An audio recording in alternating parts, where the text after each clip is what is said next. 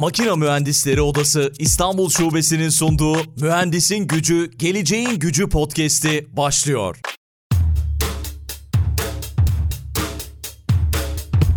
Mühendisin Gücü, Geleceğin Gücü podcast'inin yeni bölümünden herkese merhaba. Bu bölümde Almanya'da çalışmalarını sürdüren ve Valeo'da proje teknik yöneticisi olarak görev yapan, uzun yıllardır da orada başarılı işlere imza atan Kerem Günaydın konuğumuz oluyor. Kerem Bey hoş geldiniz, selamlar. Merhaba, hoş bulduk, selamlar. E, bugün biraz hastayım ama yine de yayını götürmeye çalışacağız. Çok çok sağ olun bu arada bizi kabul ettiğiniz için. Çok değerli bir yayın olacak. Bu bölümde otonom araçları konuşacağız. Daha doğrusu otonom araçlarla ilgili böyle kafamızda merak ettiğimiz sorulara cevap bulmaya çalışacağız. Ama öncesinde biraz belki sizi tanıyalım. Neler yapıyorsunuz şu anda? Bugüne kadar neler yaptınız? Ondan sonra da bölüme başlarız diye düşünüyorum. Tabii öncelikle çok teşekkürler. Böyle bir yayına davet ettiğiniz için beni. Bahsettiğiniz üzere zaten öncesinden de takip ediyordum. Makine Mühendisleri Odası'nın İstanbul Şubesi de oldukça güzel girişimleri var. Öncelikle bundan dolayı teşekkür ediyorum. Rica Ayrıca bunun yanı sıra bugün de aslında özel bir gün. 10 Kasım Atatürk'ün evet. de vefatının 83. yıl dönümünde aslında önemli anıyoruz. Bu konuda da e, aslında ilginç bir güne denk geldi. Yani yayın tarihimiz başka olacak ama şu anda kayıt yaptığımız tarih 10 Kasım ve biz de Ulu Önder Mustafa Kemal Atatürk'ü bu özel günde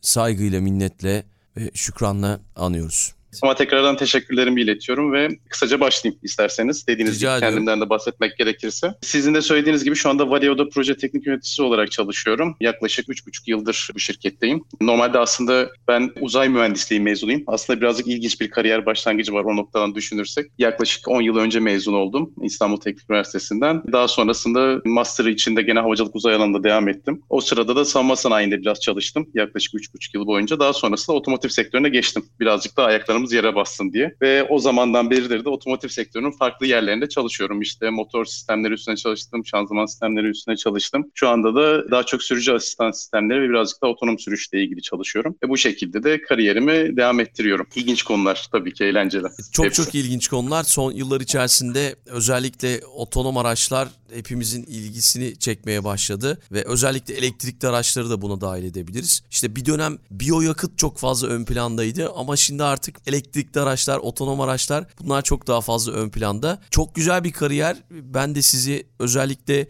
makine mühendisleri odasının da işbirliği içerisinde olduğu Almanya'daki oda ile birlikte yaptığınız işleri takip ettim. Almanya'da yaşayan yüksek öğrenim görmüş göçmenler birliği ile yaptığınız projeleri takip ettim. Çok çok güzel işlere imza atıyorsunuz. Belki otonom araç dünyasını etkileyen girişimlerden bahsederek başlayabiliriz. Çok çok eskiye dayanıyor çünkü. Bununla ilgili de sizin yapmış olduğunuz bir takım sunumlar, araştırmalar vardı. Takip etmiştim daha önce. Tarihte ne kadar eskiye gidiyor otonom araçlar diye sorsam böyle başlasak ilginç olur diye düşünüyorum. Tabii ki. Evet aslında dediğiniz gibi yani otomotiv dünyasında trendler aslında değişiyor. Ama tabii ki amaç en sonunda her zaman için eskiden beridir olaraktan yani farklı yakıtlar, farklı enerjiler ne kadar daha az enerjiyle daha çok yol kat ederim, ne kadar daha konforlu sürüş olabilir ve bunun içerisinde daha güvenli nasıl yapabilirim gibi gibi soruları hep cevap alaraktan hep farklı yolları aslında ilerleniyor. Şu anda Çev- dediğiniz çevre gibi etkisi daha... de var son yıllar içerisinde tabii. Onu da ekliyoruz. Tabii ki. Aynen çevre etkisi de var. Birçok farklı aslında etken var bununla ilgili olaraktan. Şu anda da dediğiniz gibi aslında bu otonom sürüş sistemleri şu anda evet çok daha fazla nasıl söylenir daha trend bir e, konu olmakla beraber aslında kökleri eskiye dayanıyor. Yaklaşık 1980'lerde ciddi atılımlar yapılmaya başlanmıştı ki öncesinde de bununla ilgili ciddi çalışmalar vardı. Ama ilk aslında bununla ilgili olaraktan böyle nasıl söyleyeyim daha gün yüzüne çıkacak belirtiler şu şekilde belirtiliyor. Genelde Carnegie Mellon Üniversitesi'nin yapmış olduğu, oradaki üniversitedeki çalışanların öğrencilerle beraber yapmış olduğu bir one test aracı var otonom sürüş üstüne. Bu Alvin Self Driving Car diye geçiyor. 1989 yılında bu araçta çeşitli testler yapıyorlar. Araç kendi kendisine bir süre devam ediyor. Aracın da fotoğraflarını internette araştıracak olursanız üstünde devasa sensörler var. Şu andaki tabii sistemlerle alakası yok. Sonuçta o zaman teknolojik gelişmişlik seviyesiyle şu an çok daha farklı noktada. Ama aslında birazcık da daha göz önüne çıkan şeyler o zamanlarda başlıyor. Bununla beraber tabii ki üreticiler de boş durmuyorlar. Sadece üniversitede değil, üreticilerin de yapmış olduğu çeşitli girişimler var. Ve aynı zamanda birçok farklı alanda, dünyanın birçok yerinde de farklı farklı girişimler var. Mesela ikinci en büyük girişim bu Eureka diye, Prometheus diye bir tane program var. Bu da European Traffic of Highest Efficiency and Unprecedented Safety diye bir tane kurul olaraktan söyleyeyim. Bunların yapmış olduğu bir girişim var ve bununla beraber bir tane daimler arabasını alıp onu birazcık daha revize edip otonom sürüş yapacak hale getiriyorlar. Ve bu ilk etapta mesela yaklaşık 20 kilometre boyunca otonom olaraktan hareket edebiliyor. Daha sonrasında hızını arttırabiliyorlar. Yaklaşık 110 kilometre seviyelerine kadar çıkartıyorlar. Hatta öyle bir noktaya gidiyor ki Münih'ten Kopenhag'a kadar gidecek diye belli bir projeyle yola çıkılıyor ve bu şekilde çeşitli girişimler var ki bunlar 1990'lara dayanıyor. Daha Harika. sonrasında da asıl en büyük yani şu andaki gördüğümüz atılımın şu andaki ortaya çıkmış birçok startup firmanın hatta artık startup demek çok yanlış olur. Startup olup çok daha iyi seviyelere gelmiş firmalar diyeyim. Bu firmaların çıkmış olduğu ana temel şey DARPA'nın etkisiyle. Aslında bildiğiniz üzere DARPA Amerika tarafından desteklenen çok yüksek fon desteği alan bir kurum ve özellikle savunma sanayine yönelik olaraktan birçok şey destekliyor. Tabii bunun yanında yan ürünler olaraktan birçok şey de çıkıyor. Biyomedikal alanında, otomotiv alanında, havacılık alanında birçok şeyde projeleri destekliyorlar. Ve bununla ilgili de DARPA 2004 yılından itibaren çeşitli yarışmalar düzenliyor. 2000'lerin başından itibaren. Ve 2004 yılında ilk defa diyor ki otonom e, sürüş olaraktan bir şey yarış düzenleyeceğiz. İşte parkuru belirliyorlar 150 millik yaklaşık ve bu parkuru tamamlamaya çalışacak katılımcılar diye. Buraya da çeşitli firmalardan, üniversitelerden katılımcılar oluyor. İlkinde hiçbir şey başarılı olamıyor açıkçası. Hiçbir kurum başarılı olamıyor. 2005 yılında tekrardan yapıyorlar ve 5 tane araba bu yarışı bitiriyor bu parkuru. Yani aslında 2005'te e, çok ciddi bir atılım aslında olmaya başlamış şekilde. Bu çok yarışmalar ve fonların destekleriyle beraber ki öyle durumlar artık gerçekleşiyor ki bu DARPA'nın tecrübesini edinmiş kişiler aslında bir noktadan sonra bildiğimiz Waymo'dur, işte Argo'dur, Cruise'dur gibi firmaların atılımlarını yapmaya başlıyorlar. 2010'lar civarında, 2009 ve sonrasında. Ve bu firmalar aslında oradan yetişmiş kişiler sayesinde ortaya çıkmaya başlıyor. Harika gerçekten. Bu kadar eskiye dayanması da beni şaşırtmıştı açıkçası. Yani biz zannediyoruz ki son 3-4 yılda çok daha fazla böyle teknoloji gelişti ve popüler oldu ama çok daha eskiye dayanıyor. Ve ülkemizden de sanırım bu tip yarışmalara katılan üniversiteler oluyordu. Otonom araç bilmiyorum tabii de otonom araç değil ama belki özellikle işte güneş enerjisiyle giden araçlar konusunda evet. yarışmalara katılanlar olmuştu diye hatırlıyorum. E, bu gelişmeleri takip etmeye devam edeceğiz. Peki belki sonda soracağımı önde sormak istiyorum. Yani başlarken sor- hı hı. sormak istiyorum. Önümüzdeki yıllarda otonom araçlar nasıl olacak? Öngörüler nasıl? Gelecek tahminleri nasıl? Çünkü her şey çok çabuk değişebiliyor günümüz dünyasında. Mesela işte evet. az önce girişte verdiğim örnek biyoyakıtlar geleceğin yakıtı olacak diye öngörülüyordu ama şu anda kimse belki konuşmuyor bile.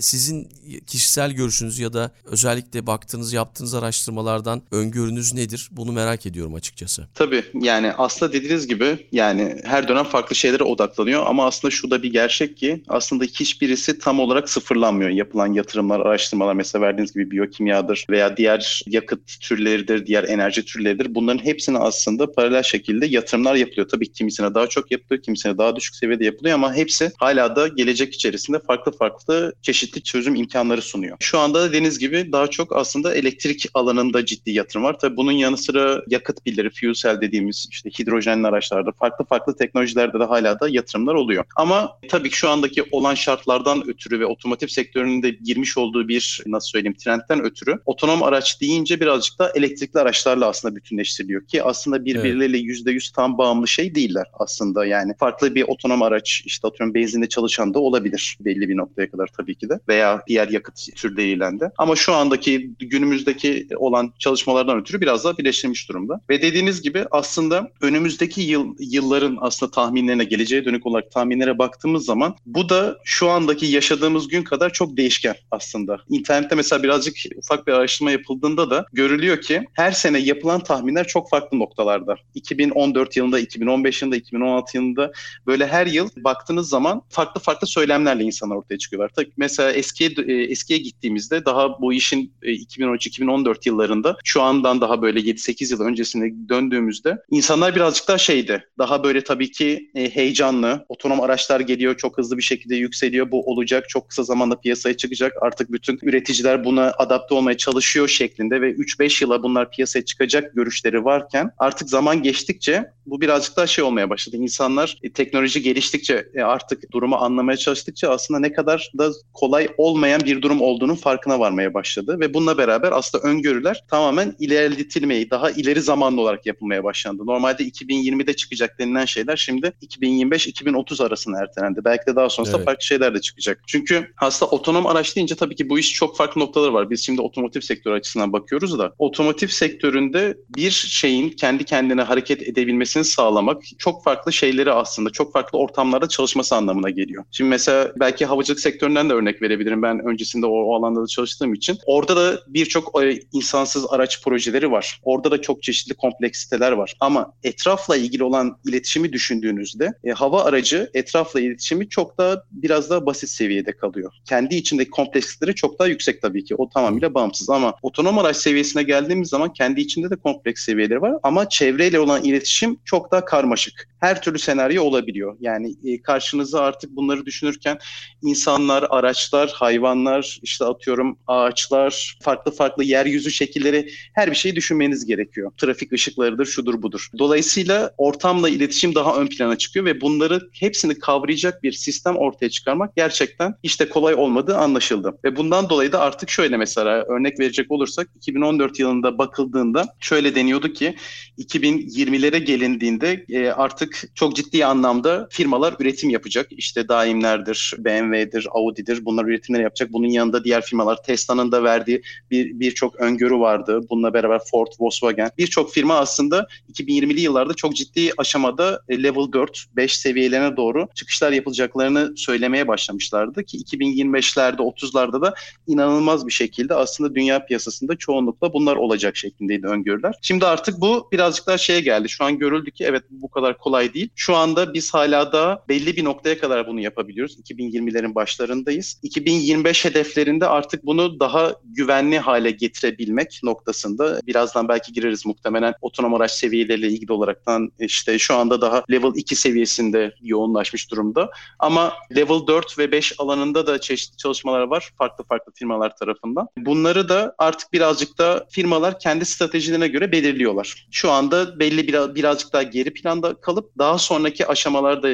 30'lara 2030'lara doğru artık otonom araçları belki de daha yaygın olacak şekilde öngörüler var. Ama bu tabii ki önümüzdeki yıllardaki yapılacak çalışmalara göre de çok değişebilir. Belki de çok iyimser bile kalabilir şu andaki görüldüğü üzere. Anladım. Yani başta girerken söylediğiniz otonom araçlarla elektrikli araçları özdeşleştiriyoruz diye. Bunun sebebinin biraz Tesla'dan kaynaklı olduğunu düşünüyorum. Çünkü Evet, elektrikli evet. araçları ilk onlar çıkardı ve sonrasında işte otonom araçlar da onlarla birlikte geldi.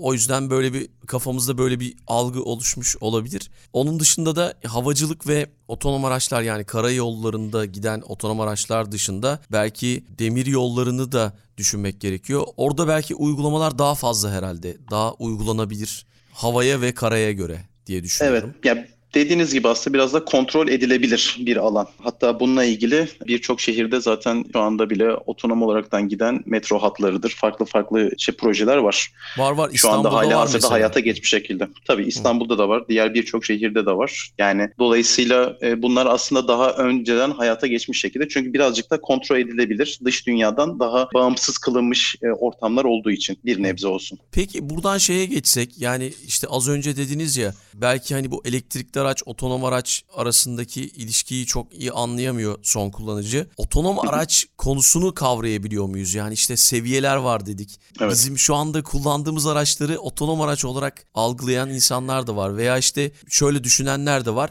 Biz işte araçlara oturacağız, hiçbir şey yapmayacağız. O bizi istediğimiz yere götürecek. Biz orada tavla oynayacağız, sohbet edeceğiz, çayımızı kahvemizi içeceğiz.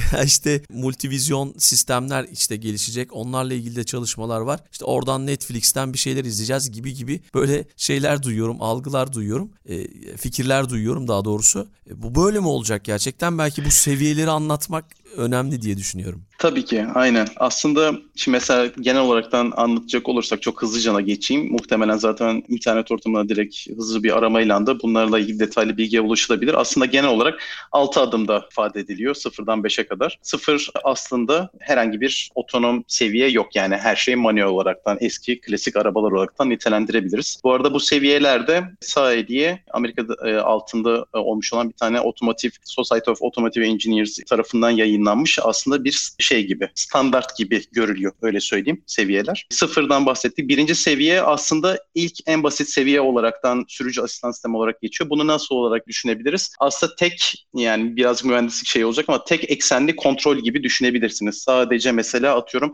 gaz fren veya sadece direksiyon kontrolü gibi sağ sol kontrolü gibi. İkisi aynı anda değil sadece tek bir yönde kontrol. İkinci seviye bunların birleştirildiği aslında hem gaz fren kontrolü hem de direksiyon kontrolünü aynı anda yapılabildiği sistemler olaraktan öngörülüyor. Bunlara mesela örnek verecek olursak level 1 sistemlerle ilgili adaptif cruise kontrol sistemi mesela söylenebilir e, veya atıyorum şerit takip asistanı e, söylenebilir. Seviye 2 ile ilgili olaraktan işte otonom park sistemleri olabiliyor veyahut da nasıl söylenebilir trafik e, trafik cam trafik sıkışıklığı asistanı olaraktan farklı sistemler var. Bunlardan bahsedilebilir. Adaptive cruise control bu arada bunu bilmeyebilir Türkiye'dekiler. Şey hız hız sabitleyici. Hız sabit.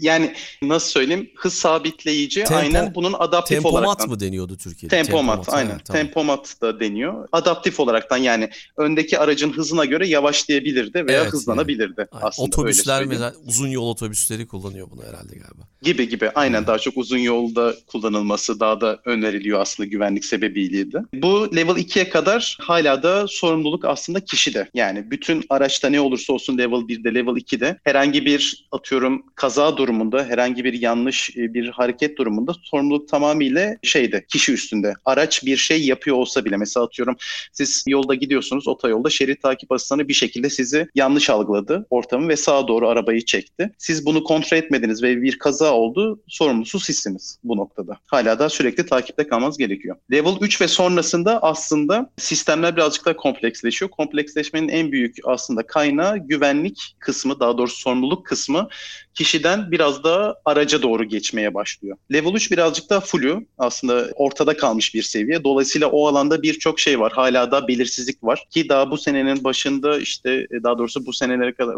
son yıllarda çeşitli regülasyonlar çalışmaları yapıldı dünyanın farklı yerlerinde. Ama hala da otomotiv üreticileri bu alana birazcık daha soğuk yaklaşıyor belirsizlikler olduğu için. O konuya birazcıktan da tekrardan detaylı girebiliriz zaten. Level 4 ve 5'e gelince aslında bunlar daha kompleks sistemler ama şöyle bir durum olduğu için sorumluluğu direkt araca yüklediği için ve sürücüyü devre dışı bıraktığı için bu sistemler birazcık da bazı firmalar tarafından daha aslında şöyle söyleyeyim geliştirilmesi daha nispeten rahat gibi görülüyor ve farklı bir alan olaraktan benimsenmiş şekilde. Mesela şu anda Amerika'da işte farklı farklı robo, robot taksi firmaları var. Bu şekilde şu anda çalışan veyahut da atıyorum belli bir yerden eşya taşımacılık amacıyla yürütülen e, robot olaraktan çalışan araçlar var. Bunlar mesela level 4 olarak nitelendirebileceğimiz araçlar. Level 4'ün olayı ne oluyor? Dediğim gibi sürücü aslında olayın dışında hatta sürücüye gerek yok, direksiyona gerek yok sistemde. Ama bu sistem sadece belirlenen bir alan içerisinde çalışıyor. Örneğin mesela bir şehrin merkezinde atıyorum 5 kilometrelik bir halka içerisinde belirlenmiş bir rotada sadece orada çalışıyor. Onun dışına çıktığı zaman bu araç level 4 değil artık. Yani bu aracın bir şekilde kontrol edilmesi gerekiyor. Anladım. Sadece orada bunu sağlıyor. Level 5'te ise bu sınır da ortadan kalkıyor. Yani her şeyi yapabilir. Araç her her yere gidebilir. Hiçbir her türlü hava durumunda, işte yol durumunda, farklı farklı trafik koşullarında kendi kendine ilerleyebilir şeklinde. Bu şekilde ayrımlar var. Bu noktada da mesela dediğiniz gibi birazcık da elektrikli ve otonom araçların beraber düşünüyor olması aslında dediğiniz gibi en büyük etken Tesla'dan çıkıyor. Yanlış hatırlamıyorsam 2014'lerde aslında büyük bir patlama oldu yani. Bu sektörle ilgili olaraktan işte elektrikli araçlar ciddi bir anlamda ilerlemeye başladı. Tesla'nın bu konuda çok ciddi yatırımları var. Bir anda bütün piyasayı e, hızlı bir şekilde yayılmaya başladılar ve ciddi güzel, ciddi şekilde de ürünlerle piyasaya çıktılar. Bununla beraber kendileri otonom olaraktan sistemleri de tanıtmaya başladılar. Ama burada birazcık da tabii ki bu piyasalara da verilen bilgilerle de ilgili. Direkt mesela atıyorum Tesla e, dediğiniz gibi ön planda bulunuyor. Fakat Tesla o yıllarda çıkarken mesela duymuşsunuzdur otopilot sistemi adıyla çıktı piyasaya evet. da. Bundan dolayı aslında dediğiniz gibi insanlarda o fikir oluşmaya başladı. İşte ben kitabımı okurum, televizyon izlerim, işte atıyorum veya başka bir şeyle ilgilenirim, direksiyona hiç bakmam gibi aslında görüşler olmaya başladı. Çünkü ismi otopilot bunu duyunca kişi şey olarak düşünüyor. Araç zaten kendi kendine gidiyor. Ben bunu kurarım. Bu beni bir yerden bir yere götürür. O arada da hiç ilgilenmem gerekmez diye. Ama aslında bu çok doğru bir yaklaşım değildi. Çünkü bu birazcık yanılgıya sebep oldu. Bu şekilde otopilot isminden dolayı da hatta bununla ilgili de şu anda süre gelen davalar bile var Avrupa'da. Keza Amerika'da da benzer şekilde. Çünkü aslında sistem denildiği gibi yani denildiğinden halk tarafından anlaşıldığı üzere bir otonom araç değildi. Bu da level 2 bir araçtı aslında Tesla'nın da şey olarak piyasaya o zamanlar sürdüğü otopilot adında level 2 bir fonksiyondu. Dolayısıyla aslında neydi? Level 2'de de belirttiğimiz gibi sorumluluk hala da sürücüde. Yani bu birazcık yanlış bir algıya sebep oldu bu noktada. Şu anda aslında artık birazcık daha işler geliştikçe, e, bütün herkes birazcık da bu işlerde çalışmaya başladıkça, teknoloji ilerlemeye başladıkça ve level 3, 4, 5 alanında çalışmalar yaygınlaştıkça ve halk daha çok bilgilendirmeye başlandıkça artık insanların kafasında daha doğru bir şekilde resmedilmeye başlandı durumlar. Ama tabii bu arada birçok kaza yaşandı, birçok istenmeyen durumlar oldu ve bununla ilgili de aslında hukuksal alanda da birçok sıkıntılı e, ortamlar e, ortaya çıktı açıkçası. Evet. Böyle söyleyebiliriz. Yani şey sanırım Elon Musk'ın şöyle bir söylemi vardı yanılmıyorsam. Onun da olmayabilir tam emin değilim. Uçaklarda otopilot varsa arabalarda araçlarda niye olmasın gibisinden. Böyle bir söylemi vardı. Ama tabii orada evet. uçakta önünde kimse yok yani sonuçta. Önünde kimse yok değil de koordinatları giriyorsun herhalde tam olarak. E, ama arabada böyle bir şey yapamazsın çünkü birçok faktör var. İşte evet. demin saydık yani çevresel faktörler, başka faktörler. O tabii. yüzden tabii o tartışılmaya devam edecek bir konu. Peki hı hı. ki mesela son bir ekleme daha yapabilirim. Aslında bu araçlar içerisinde yani level 1 2 sistemler için bile yani yüz binlerce kilometre belki de test yapıyorsunuz. Bu araçların evet. güvenilirliğini sağlamak için level 2 sistemler için bile. Ki kaldı ki level 3 4 5 sistemlerine gelince bu artık şu anda yani hali hazırda olan sistemler bile milyonlar mertebesinde yani 20 milyon hatta bu, bu yıl içerisinde Waymo'nun haberi vardı 20 milyon kilometreyi geçti diye. Ve hala da yeterli seviyede değil. Hala da tabii ki eksik noktalar bulunuyor. Dolayısıyla hala da bunlar bir bakıma test gibi yani. %100 olaraktan ulaşılabilir noktada değil ve devam eden bir süreç. Full otonom dediğimiz kavram aslında gerçekten bir nebze daha uzakta kalıyor bu noktada düşününce. Evet, evet. Peki biraz Almanya tarafında siz Almanya tarafında olduğunuz için Almanya'da özellikle otomotiv sektörüyle dünya üzerinde söz sahibi olduğu için ve Avrupa Birliği'nde de özellikle otomotiv sektörüne hakim olan bir ülke olduğu için otonom araçlar konusunda da öncü oldu ve 2017 yılı itibariyle Almanya'da otonom araçların belirli koşullar altında halka açık yollarda test edilmesine ve çalıştırılmasına izin veren bir yasa ortaya çıktı. Belki hani az önce de bahsettik ya işte normlar, regülasyonlar, bu konudaki gelişmeler, yasalar ne durumda belki bunlardan bahsedebilirsiniz biraz. Tabii ki dediğiniz gibi yani aslında Avrupa'da nispeten geç bile kalındı birçok noktada tip regülasyonlarla ilgili olaraktan. Bundan dolayı da özellikle birçok firma, üretici firma aslında testlerini hala hazırda daha çok Amerika Birleşik Devletleri'nde ve Çin'de daha çok bu ülkelere odaklı olaraktan yapıyor. Çünkü orada bir takım aslında nasıl söyleyeyim regülasyonlar biraz daha hızlı hareket etti diyebilirim. Regülasyonların çıkartılma süreçleri ve bununla beraber tabii belli şeyler de var. Sonuçta ülkelerin aslında işte insan haklarıdır, güvenliktir gibi gibi farklı bakış açıları var. Avrupa Birliği'nde bu birazcık da gerçekten daha kontrollü bir şekilde yaklaşıldığı için çok da özgür ve hızlı bir şekilde devreye giremiyor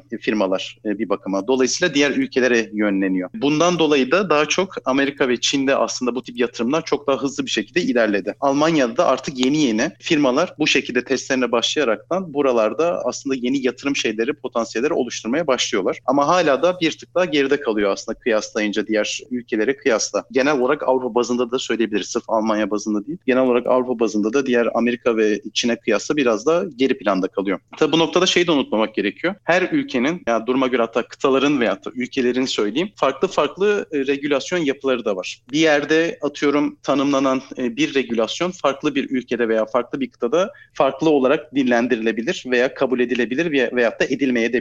Örnek olarak mesela söyleyecek olursak bu biraz önce bahsettiğimiz gibi level 3 hala da flu bir şey olarak bahsetmiştim. Geçtiğimiz yıllarda 2018 2008'lerin sonunda Audi'nin bir açıklaması vardı mesela. İlk olarak Level 3 aracı piyasaya çıkaracağına dair ve bununla ilgili ciddi yatırımlar da yaptılar. A8 aracı üstünde olacak şekilde bir fonksiyon olacaktı. Trafik e, trafik e, sıkışıklığı asistanı üstüneydi. Fakat araçla ilgili tabii ki çok ciddi gelişmeler yapıldı ama hala da belli bir noktaya gelinmişti ve tamamıyla bir e, şey sağlanamamıştı güvenlik, sürüş güvenliği açısından. Bununla beraber regülasyonlar açısından da netlik kazanılmamıştı Almanya'da da. 2017'de dediğiniz gibi belli şeyler araç çıktı ama hala taslak haldeydi. Tam olarak oturmamış kısımları da vardı. Bundan dolayı böyle bir araç mesela piyasaya süremedi Audi. Bu yılın başında bu sefer Japonya'dan Honda firması Level 3 aracı piyasaya süreceğim diye ortaya çıktı. Ve Mart ayının sonunda Honda'nın e, Legend marka Honda'nın Legend model aracı Level 3 olaraktan gene aynı şekilde trafik sıkışıklığı asistanı ile ilgili olaraktan bir fonksiyonla beraber piyasaya sürdüler. E, ve burada da Japonya'daki kabul edilen regülasyonlar bazında aslında bu araç Level 3 olaraktan kabul ediliyor. Tabii bu aracı mesela atıyorum Amerika'da veyahut da Almanya'da kullanmaya kalksanız bu araçta artık regülasyonlar farklı şekilde işleyecek ve Level 3 olaraktan kullanamayabilirsiniz. Anladım. Ve bu araçla ilgili bir sıkıntı olduğunda da bu sefer farklı haklar aslında ortaya çıkmaya başlayacak ülkelere bağlı olaraktan. Bu Japonya'daki durum daha farklı ve bu araç aslında şu anda ilk piyasaya çıkan araç oldu. Tabii ki şu anda binler mert böyle milyonlar mertebesinde satılmadı. İlk etaptaki hedefleri Honda'nın 100 tane araçtı mesela. 100 tane araç çıkartacağız ve bu 100 aracı satın alan kişi, kullanan kişi bize ilk 6 ay boyunca özellikle bütün topladığı verileri bize iletecek. Ki biz de bunları kullanalım, biz de bunları geliştirelim, anlayalım nerede ne sıkıntı var, ne oluyor diye aynı zamanda değerlendirelim diye. E, ve tabii bu Level 3 dediğimiz fonksiyonda aslında belli şartlar altında işte belli ortam koşulları, hız koşulları, çevre koşulları altında devrede olabilecek bir sistem. Bunların hepsi aslında regülasyonlar tarafından artık belirlenmiş ve bu şartlar sağlandığında sen Level 3 olaraktan bir aracı kullanabiliyorsun ve nasıl söyleyeyim ona göre hareket edebiliyorsun. Peki veri dedik. Veri de çok önemli otonom araçlar açısından. Veri ve otonom araçlar ilişkisini nasıl görüyorsunuz? Şöyle açıkçası yani bu işin temeli aslında veri gerçekten. Çünkü o kadar çok fazla unsur var ki biraz önce bahsettiğimiz gibi mesela yapılan araştırma işte 20 milyondan fazla, 20 milyon kilometreden fazla test yapıldı ve hala da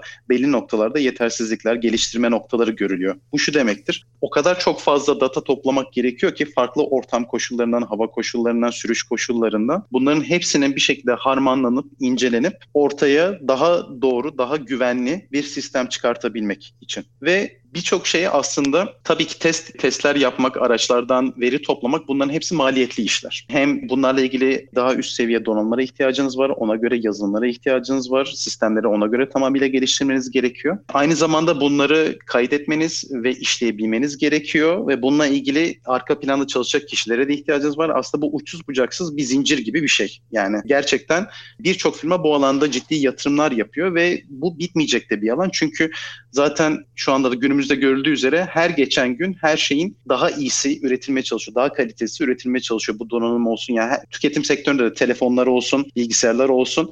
Daha iyisi demek atıyorum bir işlem daha yüksek işlemcili bir şey demek. Ona göre çeşitli maliyetler demek. Ona göre etraf veyahut da farklı daha yeni sensörler üretiyorum demek. Daha etrafı daha iyi algılıyorum demek ve etraftan daha çok veri topluyorum demek. Her gün toplanan verinin miktarı artıyor. Günümüzde iş ilanlarına şöyle bir göz atarsanız, bakarsanız hemen hemen her şirket veri bilimcisi arıyor. Aynen, Yani aynen evet. Yani ve artık bu iş e, ciddi anlamda çünkü gelecekte hatta gelecek değil şu anda çok önemli bir noktada ve gelecekte çok daha fazla da önem arz edecek bir şey. Öyle ki mesela internette baktığınız zaman Intel'in yapmış olduğu bir arabaya bir araştırmaya göre önümüzdeki yıllarda diyor ki bir arabadan sadece gelecek bir data topluluğu, veri topluluğu bir günde yaklaşık 4 terabayt. Yani bu sadece bir günde gelecek bir şey. Yani Evet. siz bir gün bir aracı tüm gün kullanırsanız işte bu araç üstünde radarlar var ne bileyim işte GPS sensörleri var, lidarlar var, kameralar var. Farklı farklı tabii bu sadece aracın dış dünya ile olan şeyi bir de. Bir de aracın kendi içinde de sensör verileri var. Aslında bir tomar sensör de orada var. Motoruyla ilgili olaraktan işte sıcaklıkla ilgili olaraktan basit bir tomar şey var. 4 terabayttan bahsediyor ve her gün. Düşünün ki kaç milyonlar yani kaç milyon araç aynı anda evet, ee, yollarda olacak. ortamda hareket ediyor, yollarda oluyor. Bunların hepsinin analiz edilmesi, anlaşılması, ona göre yeni geliştirilmeler yapılması gerçekten çok da kolay bir süreç değil. O yüzden veri dediğiniz gibi şu anda da aslında birçok yani birçok alanda oldukça önemli noktada ve otonom araçta da her zaman için önemini katlayaraktan arttıracaktır diye düşünüyorum. Otonom araçlarla ilgili şöyle bir kafamda oluşan soruların hepsini sordum diye düşünüyorum.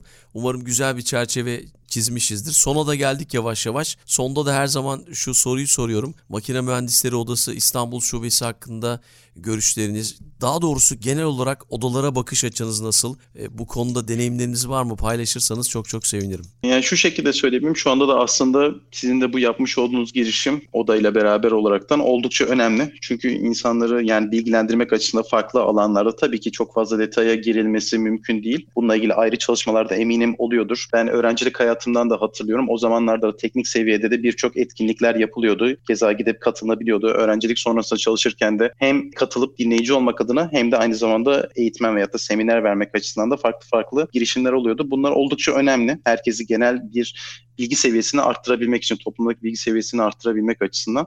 Dolayısıyla çok açıkçası güzel gelişmeler olarak buluyorum ki şu anda aslında bunun yurt dışına kadar aslında taşınmış olması da bunu daha iyi ileri bir noktaya taşındığını gösteriyor. Aslında farklı şeyleri de ortamları da takip ettiğimizi, genel sektörü sadece Türkiye içerisinde değil de yurt dışına neler oluyor, genel dünya nereye doğru e, kendisini artık sektörü evrimleştiriyor ve ona göre gelişmeler oluyor. Bunların hepsini anlamak açısından çok keyifli ve açıkçası faydalı buluyorum. Bu konuda da teşekkür ediyorum sizlere de ve tüm e, görev alan herkese de odalarda. Biz de çok çok teşekkür ediyoruz. Amacımız da o zaten. Yurt dışında farklı ülkelerde neler oluyor, neler bitiyor ve başarılı mühendislerimizin neler yaptığını da çok çok merak ediyoruz. Onların desteği de çok önemli. Sizin de şu anda destek gösterdiğiniz gibi, destek olduğunuz gibi ve o yüzden de bunu yapmaya devam edeceğiz. Makine Mühendisleri Odası İstanbul Şubesi adına çok çok teşekkür ediyorum. Güzel bir bölüm oldu ve umarım tekrar yeni bölümlerde, farklı projelerde buluşuruz. Çok sağ olun. O zaman son sözü size bırakıyorum. Mühendisin gücü, geleceğin gücü.